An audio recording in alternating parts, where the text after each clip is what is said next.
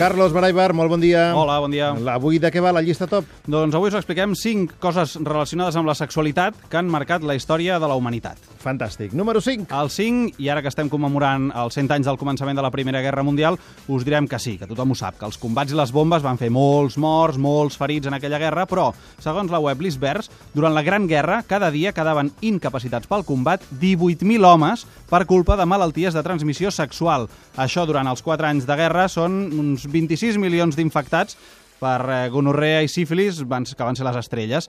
O sigui que ja els va estar bé alguns que es van dedicar a violar milers de dones, un crim de guerra avui reconegut. Déu-n'hi-do. Número 4. El número 4, una dada que trobo que és espectacular. Un estudi del 2003 de l'ADN de milers de persones va revelar que un de cada 200 homes a tot el planeta és descendent de Gengis Khan, el gran emperador mongol. Aquesta seria la manera espectacular de dir-ho. Es veu que l'home era lo següent de promiscu i alguns historiadors reporten que va tenir centenars de fills. Clar, en aquella època també l'imperi de Gengis Khan ocupava una gran part del món, la població mundial era molt petita i la manera menys espectacular de dir-ho seria que un de cada 200 homes és descendent de l'ètnia mongol, que va controlar, com diem, mig món eh, durant uns 150 anys. En fi, número 3. El fet número 3 té a veure amb el gàngster dels gàngsters. Aquest és Al Capone. De tots és sabut que no se'l va poder trincar mai per matar, robar, extorquir o per qualsevol crim més aviat bèstia, i que si se'l va detenir va ser per frau fiscal. Doncs bé, després de complir condemna, va tornar a sortir en llibertat i quan estava disposat a perpetuar el seu imperi del crim, va morir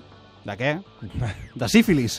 Mai ho haguessis dit, eh, Al Capone, que això et mataria? Doncs sí, ja ho diuen que alguns homes pensen més amb la tita. O sigui que Sí, Al Capone que- podria que haver reconstruït el seu imperi del crim, però no va poder fer-ho. Recomanem als fans del Capone que vegin Boardwalk Empire, una sèrie on es veu els inicis d'aquest mafiós i que realment es veia que pensava poc amb el cap i més aviat amb la part de baix del cos.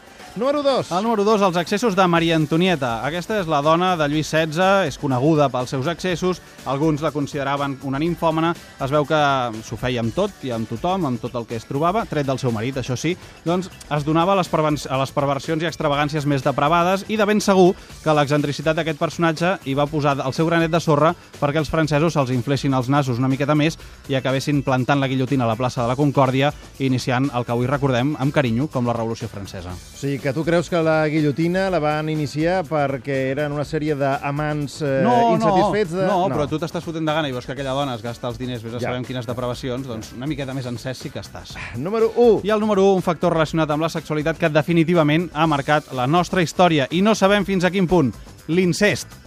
Ara Joc de Trons ha tornat a posar molt de moda el concepte, però és que al llarg de la història l'incest ha estat una constant entre les famílies reials europees, els emperadors japonesos, els faraons i, de fet, entre tots els aristòcrates, de totes les civilitzacions. I l'incest, amics, no és gratis, i això ara ja afortunadament ho sap tothom. Per exemple, Tutankamon era descendent d'una llarga línia d'incestos i sabem que tenia un peu mal format, un paladar deforme i que a més era estèril.